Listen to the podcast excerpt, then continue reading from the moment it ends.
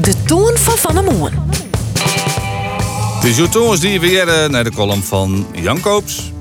Afgelopen zondag was alweer de laatste aflevering uit de serie Zomergaasten. Als ik heel eerlijk ben, haak ik daar niet al te veel fiducie in dit keer. Daar zat het vooroordeel achter dat de gast van zondag, de illusionist Hans Klok, wel niet zoveel bijzonders te vertellen hem zal. Maar het vul heel anders uit. Om reden ik eerst nog wat mailtjes beantwoorden moest, vul ik pas na dikke half uur in de uitzending. Dat morgen heb ik eerst het eerste deel nog via uitzending mist weer omgekeken. En ik ben bieden dat dat nog even gedaan hebben.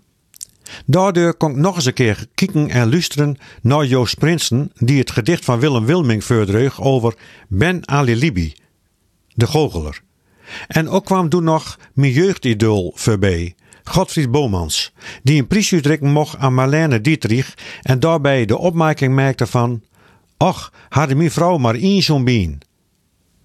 Hans Klok luidt marken dat hij hem goed verdiept had in het leven van de mensen die in zijn filmfragmenten langskwamen. Met zijn brede gebaren, zijn fleurige gezichten en de open blik in de ogen vertelde hij prachtige achtergrondinformatie daar ik geen weet van hadden. Maar wat mij het meeste bijbleven is van de uitzending, dat was zijn uitspraken over spiet. Hem wordt door Janine Abring vraagt of hij geen spiet hadden dat hij, toen hij in Las Vegas aan het werk kon, zijn broer doorgeven moest. Zonder ook maar even na te denken, zei Klokdoe, aan spiet hij niks, het is een zinloze emotie. Daar kun je aardig op omstellen, op die uitspraken. Maar het is er al van belang dat je eerst weten wat spiet eens inhoudt, waar het voor staat.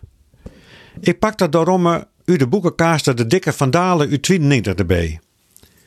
Daar staat onder ere als betekenis met name het gevoel iets verzuimd te hebben. Dat is dus dat wat niet gedaan hebben.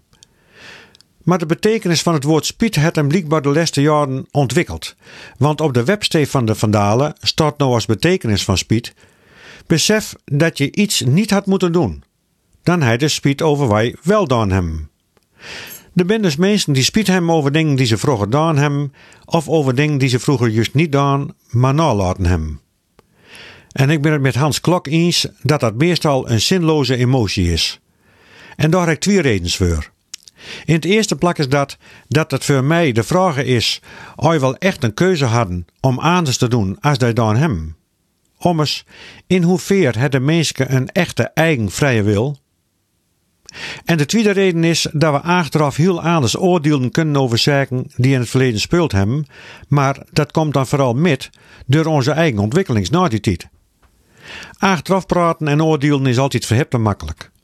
Maar het is onmogelijk en verplaats je in de beslissing in het verleden door hij spiet van hem.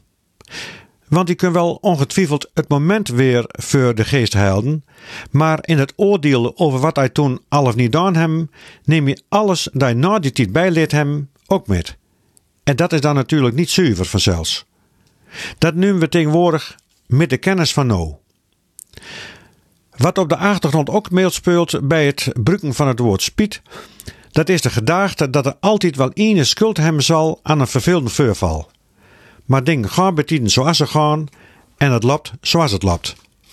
En meestentijds gaat alles op de automatische piloot. Waarom zou we toch altijd een schuldige aanwijzen moeten?